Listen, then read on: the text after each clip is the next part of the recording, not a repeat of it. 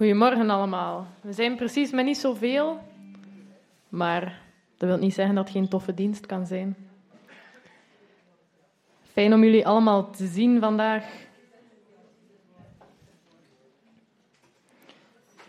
We hebben vandaag een gastspreker in ons midden. Tom zal ons vandaag een uh, boeiende preek geven over het boek Jona.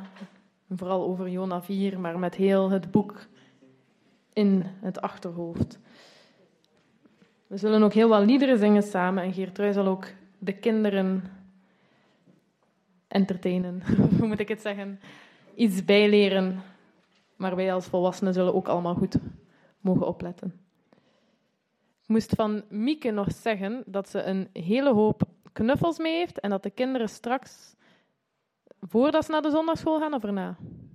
Nadat ze naar de zondagschool zijn geweest, als de dienst gedaan is, in het kleine zondagschoollokaal, in het grote zondagschoollokaal, een knuffel mogen gaan uitkiezen. Het is, uh, het is feest vandaag. De rest van de mededeling zal op het einde van de dienst komen.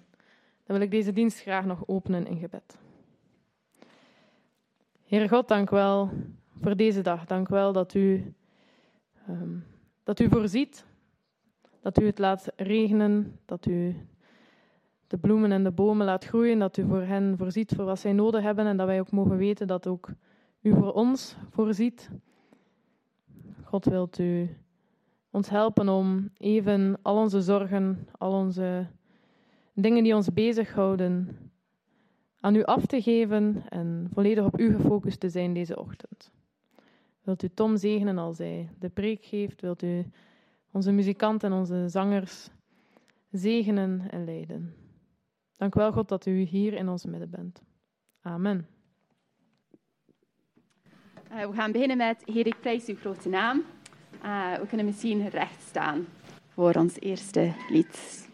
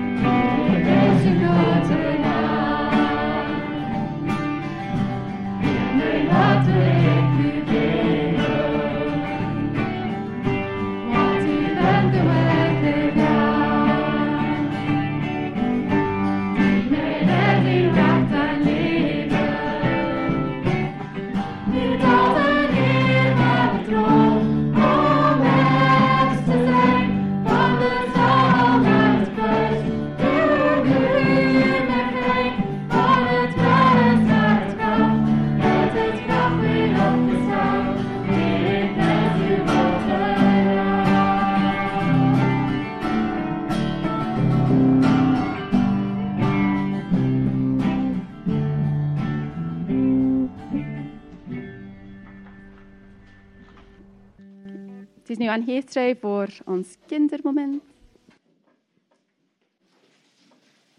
Het woord van God is een manier waar God ook spreekt tot ons. En je kan bijvoorbeeld al tien jaar hetzelfde lezen en dan plots, dan spreekt een tekst jou zo aan. En dat is dan precies dat God tot je hart spreekt.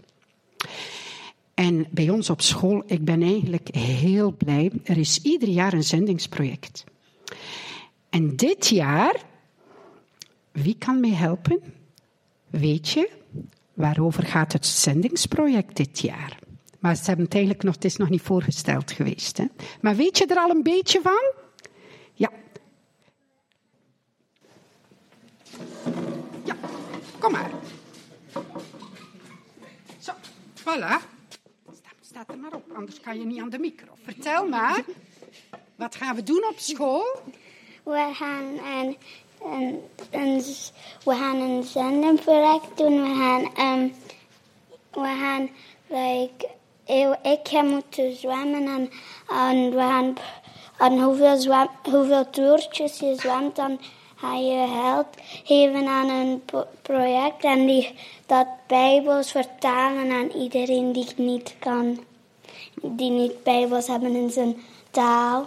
Zeer goed, het heel goed uitgelegd. En ik was zo blij dat de Bijbel de aandacht kreeg. Heel veel aandacht op school. En ik weet niet, als je het al gezien hebt in de hal, dan hangen daar al de Bijbelboeken uit. En wat moeten we daarmee doen?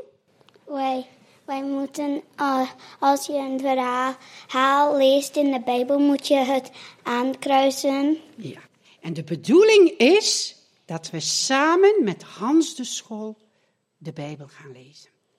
En dat maakte mij zo blij, want het woord van God is zo belangrijk. Er zijn zoveel mensen die nog niet gehoord hebben, zelfs hier in België. Ze hebben de Bijbel liggen, maar ze lezen er niet in. Heel goed gedaan hoor.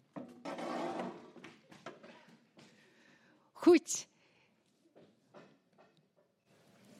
Heel fijn om te horen en dat de kinderen ook aangemoedigd worden om het woord te lezen. En ik zeg ook aan de jonge gasten, niet saai hoor. Jullie zijn jullie verlangen zo naar avontuur. En ik weet nog dat ik zo dikwijls zei tegen een van mijn zonen: Het leven met de Heer Jezus, dat is echt een avontuur. Je moet op zoek gaan. En ik zou jullie uitdagen. Neem jullie Bijbel. Er staat zoveel in over wie je bent, over wie God is, wat God is van plan met deze wereld wat er allemaal nu gebeurt. Het is ook een heel actueel boek. Dus ga maar aan de slag. We gaan bidden voor de zondagschool. Heer Jezus, ik wil u zo hartelijk danken dat wij uw woord mogen hebben. Heer Jezus, dat u zich hebt geopenbaard doorheen uw woord, dat wij u mogen leren kennen. En ik bid u, geef ons een diep verlangen in ons hart om het woord te gaan lezen. Wat uw bedoelingen zijn met ons. Heren, wat, waarom u bepaalde dingen toestaat in ons leven. Uw woord is zo rijk en ik bid u, Heer, dat het rijkelijk in ons mag wonen. Weet u de zondagschool zegenen, Heer. Help ons om het goede nieuws over te brengen aan onze kinderen, dat zij mogen geraakt worden. Ik bid ook heel bijzonder voor onze jeugd, Heer. Heer, er komt veel op hen af. En ik bid u, Heer, dat zij mogen aangeraakt worden, dat zij verlangend mogen zijn om u te gaan zoeken. Want een leven met u, Heer, dat is zo bijzonder. En ik dank u daarvoor. Amen. Goed, jullie mogen naar de zondagschool. Voordat Tom ons zal voorgaan in de preek, gaan we eerst een. Uh een filmpje kijken um, als inleiding op de preek.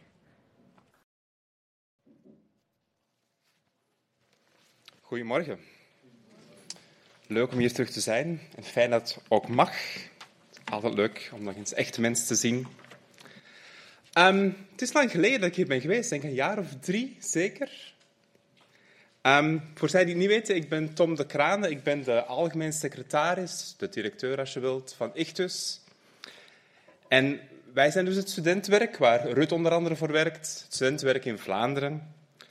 En ik ben blij om hier te zijn, want jullie kerk bidt en geeft al jaren trouw, zodat we dit werk onder studenten kunnen doen. En studenten komen nu een beetje uit winterslaap, dat gevoel hebben we toch. Na anderhalf jaar soms op negen vierkante meter te hebben gezeten, waar ze hebben geslapen, les hebben gevolgd, gegeten, alles hebben gedaan, komen ze nu terug een beetje uit de winterslaap.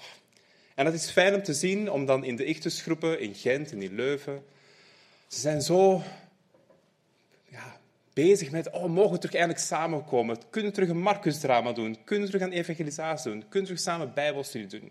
En het is dan fijn om als studentwerker ernaast te mogen staan en hen te helpen, hen te trainen in bijbelstudie, hen te wijzen, hey, hoe ben je nu christen in je vakgebied? Het is schitterend om dat te mogen doen. En het is dus fijn dat, dat ik hier mag zijn, want u maakt het mee mogelijk. Maar blijf bidden voor ons. Ik weet dat u dat doet. Want hoewel het nu superleuk is om studentwerker te zijn, wij vermoeden dat de komende drie, vier jaar toch nog steeds pittig gaat zijn. Dus we denken, nu, nu mag er terug veel, studenten mogen terug samenkomen, maar nu gaat er naar boven komen waarschijnlijk wat er anderhalf jaar is toegedekt. Dus wij vrezen dat er toch nog aardig wat vragen gaan reizen rond geloofstwijfel, rond psychische problemen. En dit jaar is het thema binnen Ichtus, zoals we elk jaar een jaarthema hebben, is het influencers. Hoe hebben wij als studenten een stem? Hoe gebruiken we de positie, de invloed die God ons gegeven heeft, op de plaats waar hij ons heeft gezet? Wie zijn influencers en hebben die altijd wel iets te zeggen over ons? Zijn dat wel zo'n wijze mensen? En ik ben een hele tijd bezig geweest met Jona en vorig jaar de studenten ook. En ook bij Jona kan je dat soort vragen stellen. En daarom wil ik u meenemen naar Jona en u plaatsen voor de spiegel die Jona ons voorhoudt eigenlijk.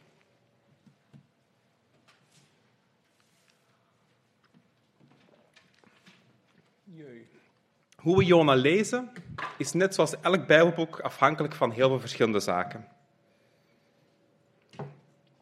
De brillen die we op hebben, gewoon door wie we zijn.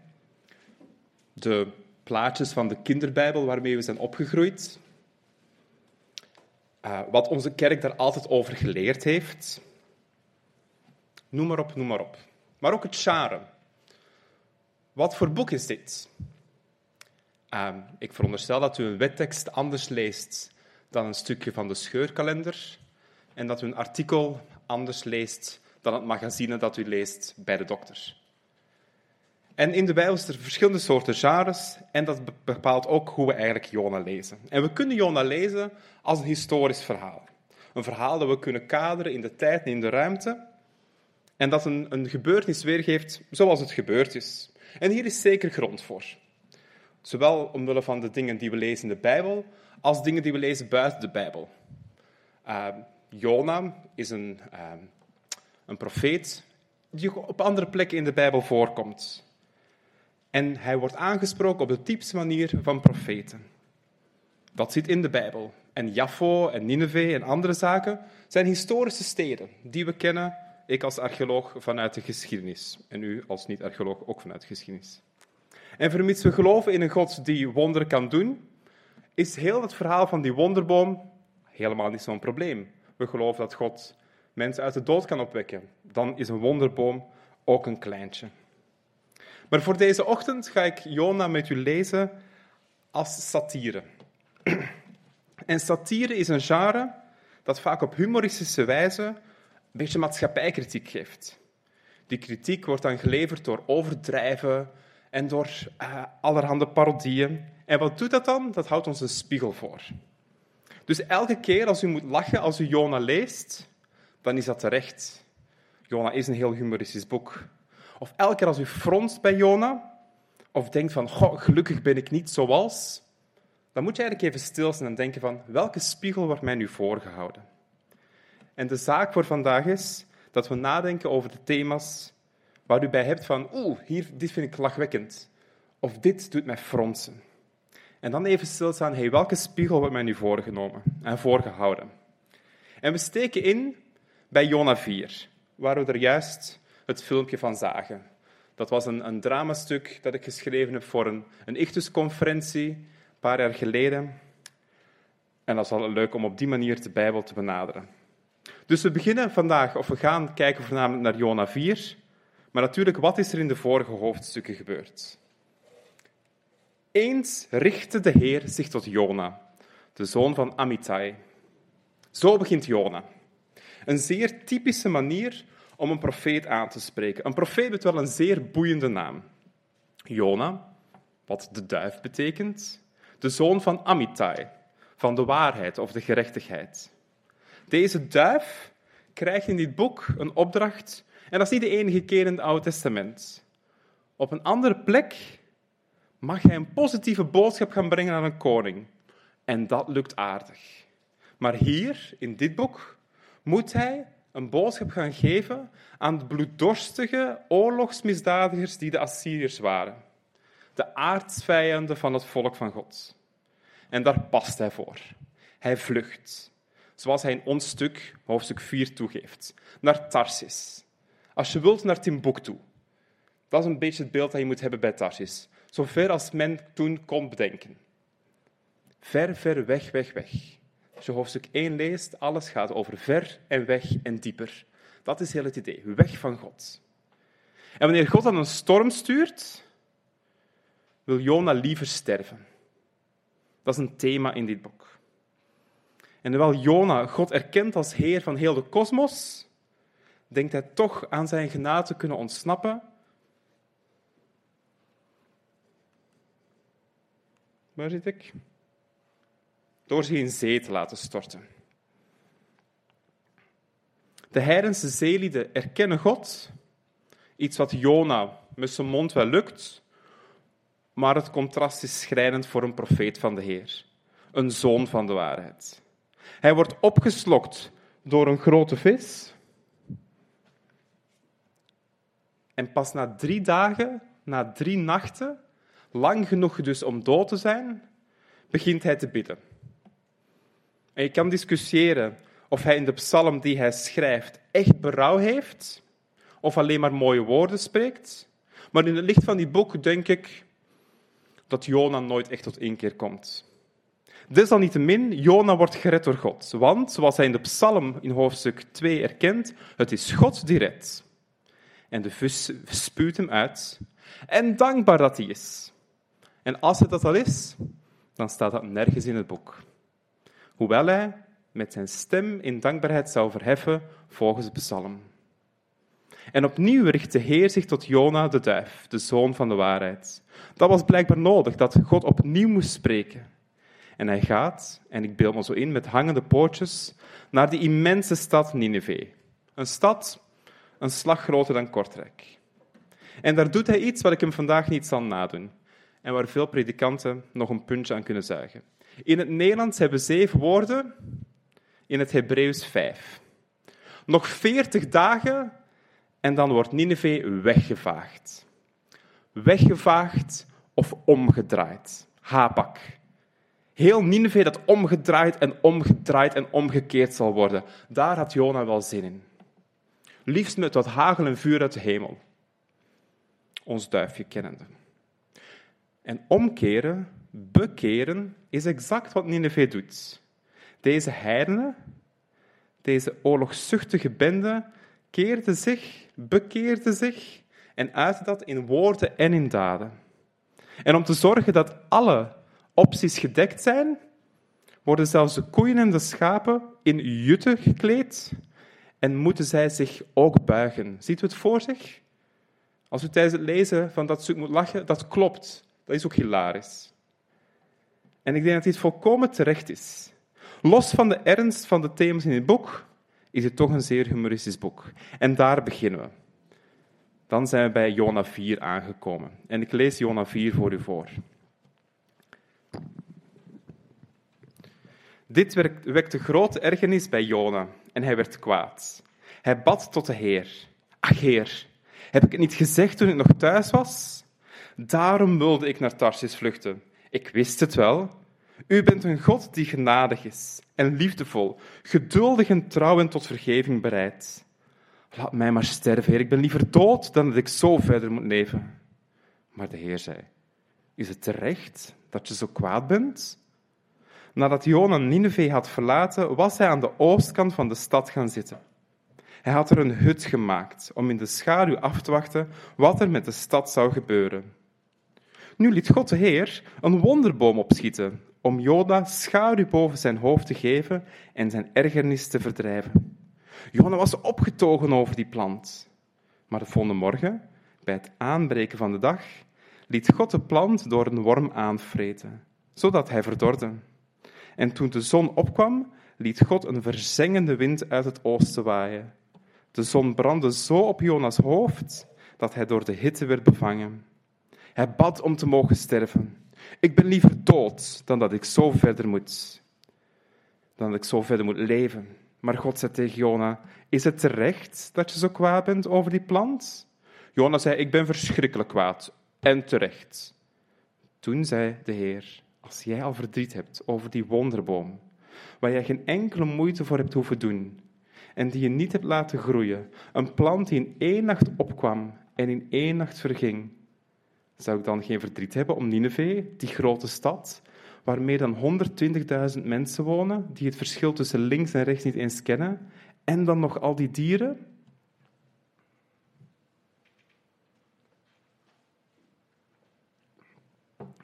Jona, ons duifje, is boos. En waarom? Omdat Nineveh niet krijgt wat het verdient. Hoe kan het zijn dat deze barbaren, deze slagers van het Midden-Oosten, deze ongelovige vrede mensen niet krijgen wat ze verdienen? Dat denkt Jona. Hoewel, krijgen ze niet wat ze verdienen? Ze hebben net berouw getoond en boete gedaan. Je zou kunnen zeggen dat ze wel krijgen wat ze verdienen.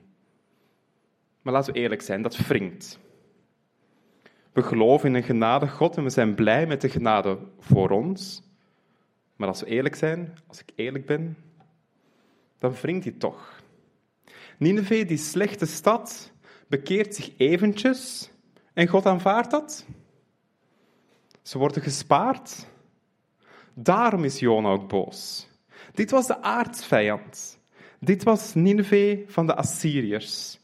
Een volk dat we nu voor het gerechtshof ja, in Genève zouden dagen. Ik heb wat opzoekwerk gedaan. Ik moest teruggraven in mijn eigen opleiding. Ik ben archeoloog. Er zijn beelden van een stad die wordt belegd door de Assyriërs in Israël. En die um, stijlen zijn bewaard en staan nu in het British Museum.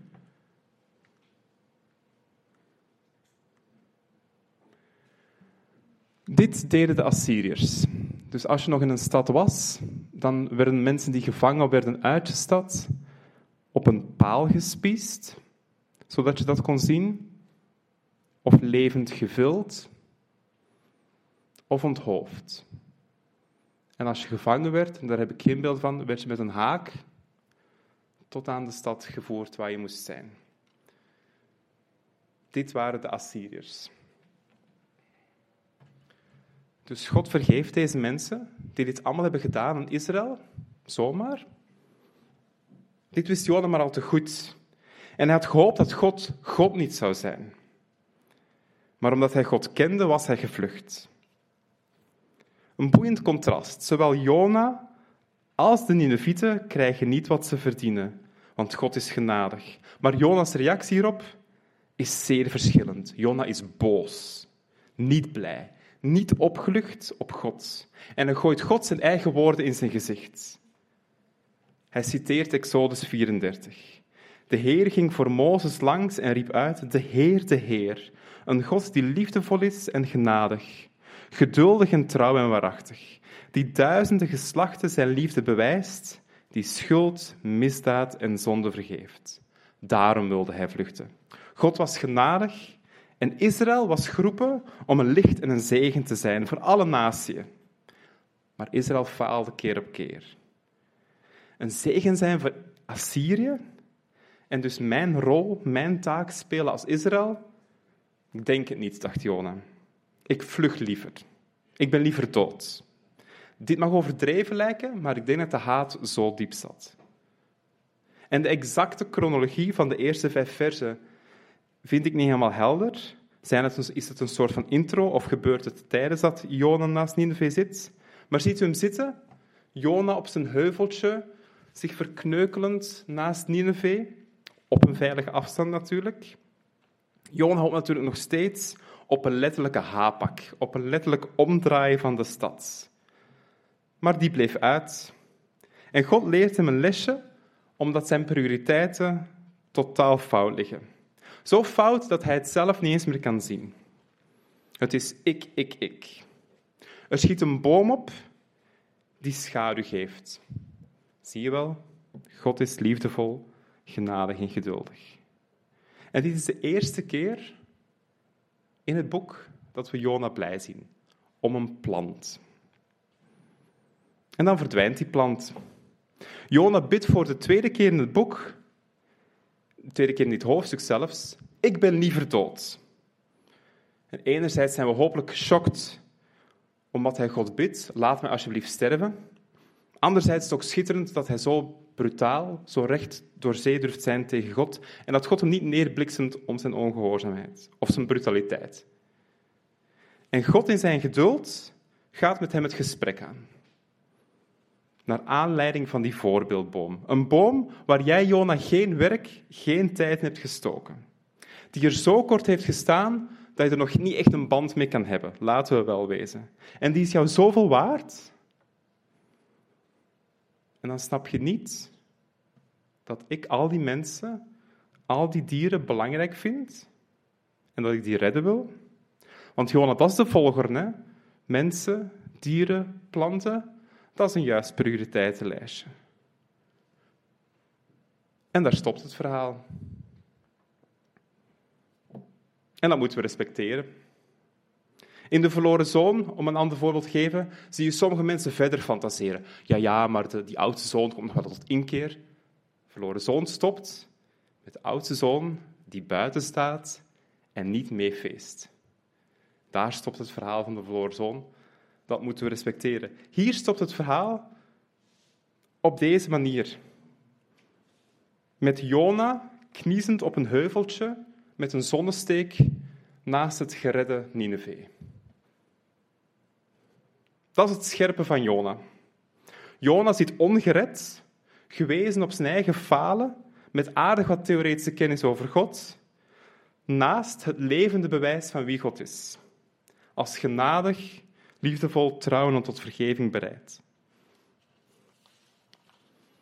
Dit boek, door zijn satire, door zijn scherpte, door die frange haken die erin zitten, houdt ons een spiegel voor en dwingt ons naar onszelf te kijken. Althans, hopelijk. Naar onszelf, naar het beeld dat we hebben van God, naar onze naasten, naar onze vijanden. En ik denk dat er heel veel in zitten, maar laten we even stilstaan bij een paar vragen die Jona ons door die spiegel stelt. Wie zijn onze, wie zijn jullie nationale vijanden? Wat zijn groepen mensen, als we eerlijk zijn, waarop neerkijken? Omwille van koloniaal verleden, culturele vooroordelen, stereotypen. En neem hier gerust andere kerkgemeenschappen mee. Hè? We hebben allemaal groepen mensen waar we, als we eerlijk over zijn, anders of op neerkijken. Hoe komt het dat wij, dat jij, zo naar hen kijken? Wat heeft dit veroorzaakt? We leven in een tijd waarin er, waarin er op tv, op social media, vaak een vijandige sfeer wordt gecreëerd en dat wordt opgeroepen. Vijanden zijn echt, of worden tenminste toch zo ervaren door wat er op ons afkomt. Hoe gaat God hier in dit verhaal met vijanden om? Zelfs mensen die vijanden waren van zijn eigen volk. Wat vraagt God hier aan een van zijn volgelingen? Wat vraagt God in deze dus aan ons? In het boek Jona krijgen we een beeld van Jona als nationalist, die de Assyriërs zo haten dat hij hen Gods genade niet gunde. Hij zou nog liever sterven dan daaraan mee te werken. Als je de evangelie leest, bijvoorbeeld Marcus, dan zie ik in Marcus 8, 9 en 10, boeiende sequentie, hetzelfde gebeuren als hier in Jona. Jezus legt iets uit, de discipelen begrijpen het niet, en dan legt Jezus het opnieuw uit, doorgaans met een voorbeeld of een verhaal. Laten we wel wezen, ook wij zijn hardleers. Jona net hetzelfde. God moet een storm sturen. God moet een zeemonster sturen. God geeft een wonderboom. Wat heeft God al bij u moeten doen om u ergens te krijgen? Leert u snel bij? Dan ben ik lichtelijk jaloers. Ik leer niet snel bij. Of zou u best ook af en toe een lijst aanleggen van wat God al heeft gedaan in uw leven, voor u en aan u, zodat u dat niet vergeet? En handelt u er dan ook naar? Want zoals we zien in het boek, kennis van God is niet per se afdoende. Zeker bij Jona niet. En dan tot slot de treffende laatste woorden. De laatste woorden van Jona zijn: Ik ben kwaad en dat is terecht. De laatste woorden van God. Zou ik geen verdriet hebben om? God heeft verdriet om mensen die wij misschien zien als vijanden. Wat moeten we daarmee? Vind je het oké dat God van jouw vijanden houdt? Hen zelfs redt? Of ogenschijnlijk niet straft?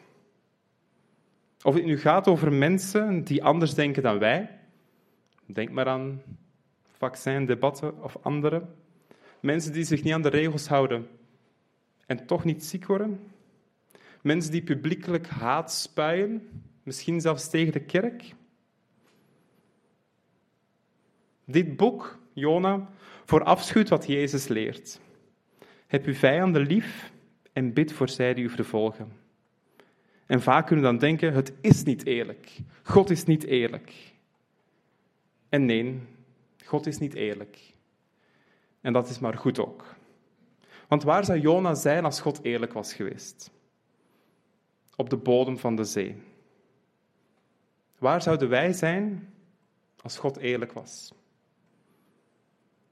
God is liefdevol, genadig, geduldig en trouw en tot vergeving bereid.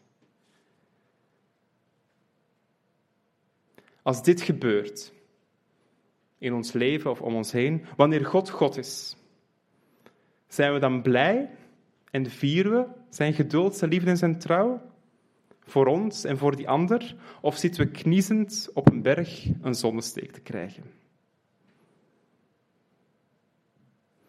Laat ons bidden.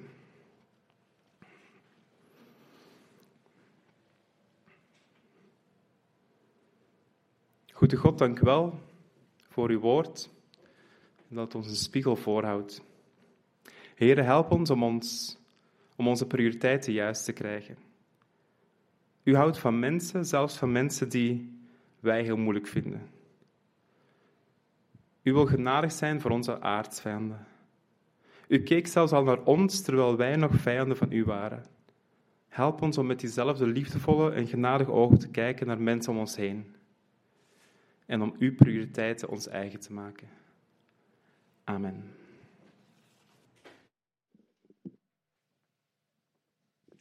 Dank u wel, Tom. Het was een heel confronterend preek, vond ik. En zeker dat vraag die je hebt gesteld, wie zijn jouw vijanden? Uh, ik was een beetje verschoten dat ik zo gemakkelijk een antwoord op had. Onmiddellijk kwamen een bepaalde groep mensen in mijn hoofd van ja, ja, ja. Ik zou het heel moeilijk vinden als God zo genadig valt tegen die mensen was. Dus ik ben ook een beetje verschoten dat dat zo gemakkelijk ging. dus iets om over na te denken. Um, en ons volgende lied eigenlijk past daar heel goed bij. Um, uh, Amazing Grace in het Engels, genade zo oneindig groot. Um, geschreven door John Newton. Uh, jullie kennen het verhaal waarschijnlijk dat hij een uh, slavenhandelaar was. Um, en ja, als je een beetje kent van je geschiedenis, weet je hoe verschrikkelijk dat die handelaars waren. Um, als uh, sla slaven vuurden van Afrika naar Amerika, soms was er niet genoeg water op de boot voor iedereen. En dan zouden ze gewoon levende mensen uit de boot gooien. Het was echt, ja, zo verschrikkelijke dingen. En de, ja, ja, al de dingen die daar gebeurden. Maar toch, die, die man, John Newton, is tot geloof gekomen en berouw getoond. Um, ja, dus daarover nadenken als we dit lied zingen. Genade zo oneindig groot.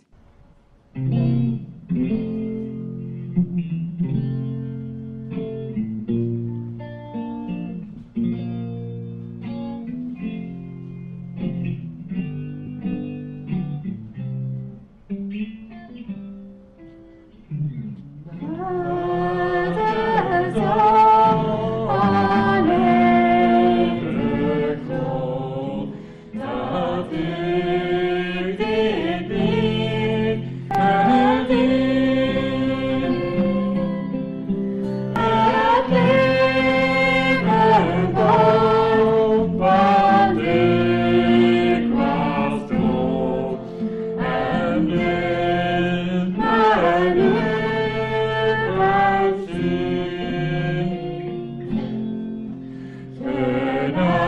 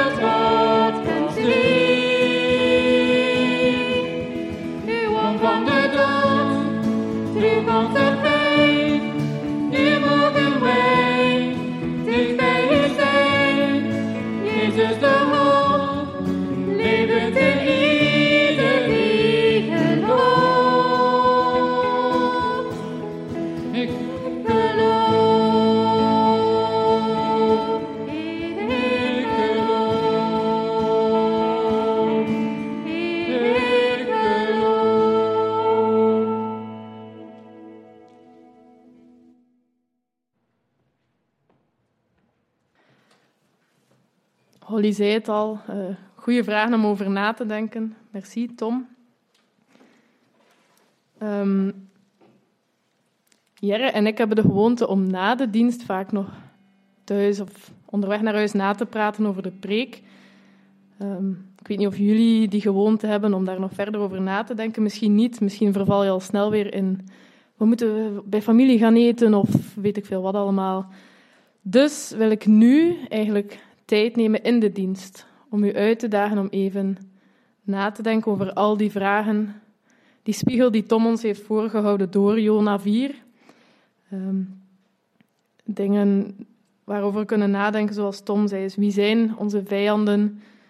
Um, gunnen we het wel iedereen om gered te worden. We zongen net licht van de wereld, dat de, heel de wereld u kan zien, maar menen we dat echt? Ehm, wie is onze Nineveh? Ehm, als u het moeilijk vindt om op die manier daarover na te denken, wil ik u uitnodigen om uw Bijbel erbij te nemen en Jona 2 te lezen. Dat is de psalm waar Tom het over had, die Jona schreef. Of Jona het nu meende of niet, wat hij daar zei. Wij kunnen het alleszins gebruiken. Um, dus neem de tijd, lees ofwel Jona 2 en denk na voor wat daar staat. Springt er daar iets uit voor u, waar u even verder over wilt nadenken of waarover u in gebed wilt komen? Of denk na over de, de vragen die Tom ons heeft voorgehouden en neem ook dat mee in gebed. We zullen daar een, een twee à drietal minuten voor uittrekken. Misschien vindt u dat confronterend dat het zo lang is, maar dat is niet erg.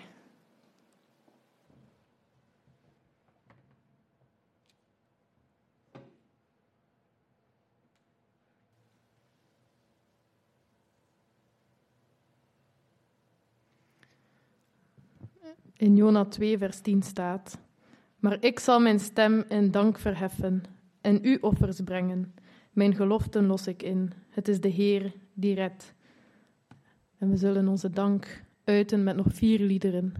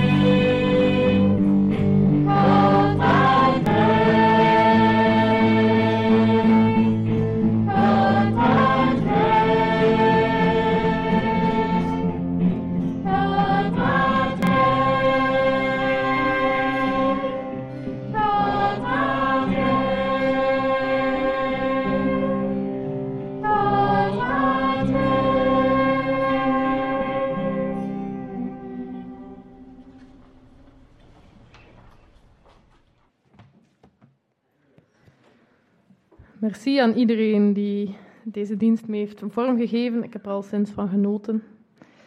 Een aantal mededelingen. Nick had een mededeling die op de GIOS is besproken. Jerry zei dat je naar voren moest roepen, maar misschien moet Jerry even je oor influisteren. Waarom? Ja. Uh, ja, een, deel, een mededeling in verband met de techniek. Um, dus we zitten er altijd achteraan, uh, het geluid en uh, te zorgen voor de beamer. En ondertussen zijn er een, een hele hoop nieuwe jonge mensen die zich mee engageren om dat mogelijk te maken. Jona heeft al verschillende keer gedaan, Jetro, Filinio. Dus we zijn heel dankbaar voor die mensen dat zij zich ook voor het komende jaar daarmee engageren. Dus ik wou dat al meegeven, dus dat er eigenlijk al, allee, dat daar wel beweging in zit. En dat we daar als gemeente ook echt mogen dankbaar voor zijn, dat er jonge mensen zijn die zich ook willen daarin, uh, daarin meespringen. We zijn daar heel dankbaar voor. En dat we ook vragen van ja, wij leren dat, is een leerproces, om ook met al die materialen te leren werken. Als dat in het begin, uh, als er nog een keer een hapering of zoiets in zit, dat we ook als gemeente daar genadig mee zijn. En dat we vooral dankbaar zijn dat die mensen dat doen. En als er nog een keer iets fout loopt, dat we daar ook een beetje, allee, ja, dat we daar goed mee omgaan als gemeente. Maar in de eerste plaats zijn we dus heel dankbaar. En het is ook misschien leuk om, eh, of goed om te zeggen dat we iemand in de, allez, ik wil toch iemand in de bloemetjes zetten die dat jaren de Beamer heeft gedaan en die dit jaar heeft gezegd van kijk, ik laat het ook over aan de jonge mensen. Dat is Christine die daar zit. Even een applausje. Christine, Christine heeft toch gedurende hoeveel jaar, zeg het maar zelf, ja, vele jaren heeft zij plichtsbewust op zondag aan de beamer gezeten, wat toch altijd de nodige, want het is niet alleen op zondag aan de knoppen zitten, maar dat is ook de nodige voorbereiding thuis om dat alles erin te steken. Dus we willen nu ook echt bedanken voor al die jaren van trouwe dienst. En we zijn heel blij dat er nieuwe mensen zijn die dat eh, op zich willen nemen. Dus we zijn voor beide zaken heel dankbaar. Uh, misschien een mededeling al voor komende zondag is er jeugdkring. Ik had dat vergeten doorgegeven. Dus dat is al een mededeling. Tieners. Oké. Ah, zowel zondagochtend als zondagavond. Dus volgende week zondag om 6.30 uur bij Kurt en Nele. Ja. We zijn heel dankbaar voor zij die zich inzetten voor de beamer. Tegelijk een oproep we hebben nog helpende handen nodig. We mogen straks weer lekkere koffie en andere dingen naar binnen werken. Maar voor de vierde week van de maand, dus de vierde zondag van de maand, telkens zijn we eigenlijk nog op zoek naar iemand of misschien twee gezinnen die elkaar om de maand willen afwisselen om dat te voorzien. Dat hoeft niet veel voor te stellen, als in koffie en, en haal een pak koekjes. Het gaat vooral om het idee dat we samen um, na de dienst nog wat kunnen napraten voel je niet verplicht om uw bak- en kookkunsten boven te halen. Dat is zeker niet de standaard die gelegd wordt. Dan nog een aantal mededelingen. Voor zij die het nog niet gezien hebben, kijk eens achter u. Prachtig geschilderde muur. Hier vooraan moet het nog gebeuren. Merci Eddy en Martijn om uh, daar al zoveel werk in te steken. En ik zou ook willen oproepen, zorg goed voor onze vers geschilderde muren. Uh, pas op met stoelen. Let ook op de kinderen. Laten we collectief als kerk op elkaars kinderen letten dat ze geen uh, domme stoten uithalen in ons gebouw. Um, zijn er nog dingen? Ja, het meeste staat op potscherven. Misschien nog goed om nog eens te vermelden. Um, omdat Nick en ik nu samen de tieners doen op zondagochtend, hebben we afgesproken dat we een regeling doen elke eerste en derde zondag van de maand. Zal er tiener zondagschool zijn, dus tieners luister goed, eerste en derde zondag van de maand. En daarom is beslist op de GIOS dat het avondmaal nu zal verplaatsen naar de tweede en vierde zondag van de maand, zodat de tieners daar ook telkens kunnen bij zijn. Oké. En dan zijn er nog mededelingen van mensen uit de zaal? Nee? Dan wil ik graag deze dienst afsluiten met... Nu... Ja? Ah, Karin. Ah, ik dacht dat Tony en Martien dan toegezegd voor de eerste zondag van de maand. Dat zei Tony mij vorige week. Ja, oké. Dus ik denk dat dat in orde is, maar als u toch ook graag wilt helpen op de eerste zondag van de maand, laat het gerust weten. Ik wil graag deze dienst eindigen met het voorlezen van nummer 6, vers 24 tot en met 26.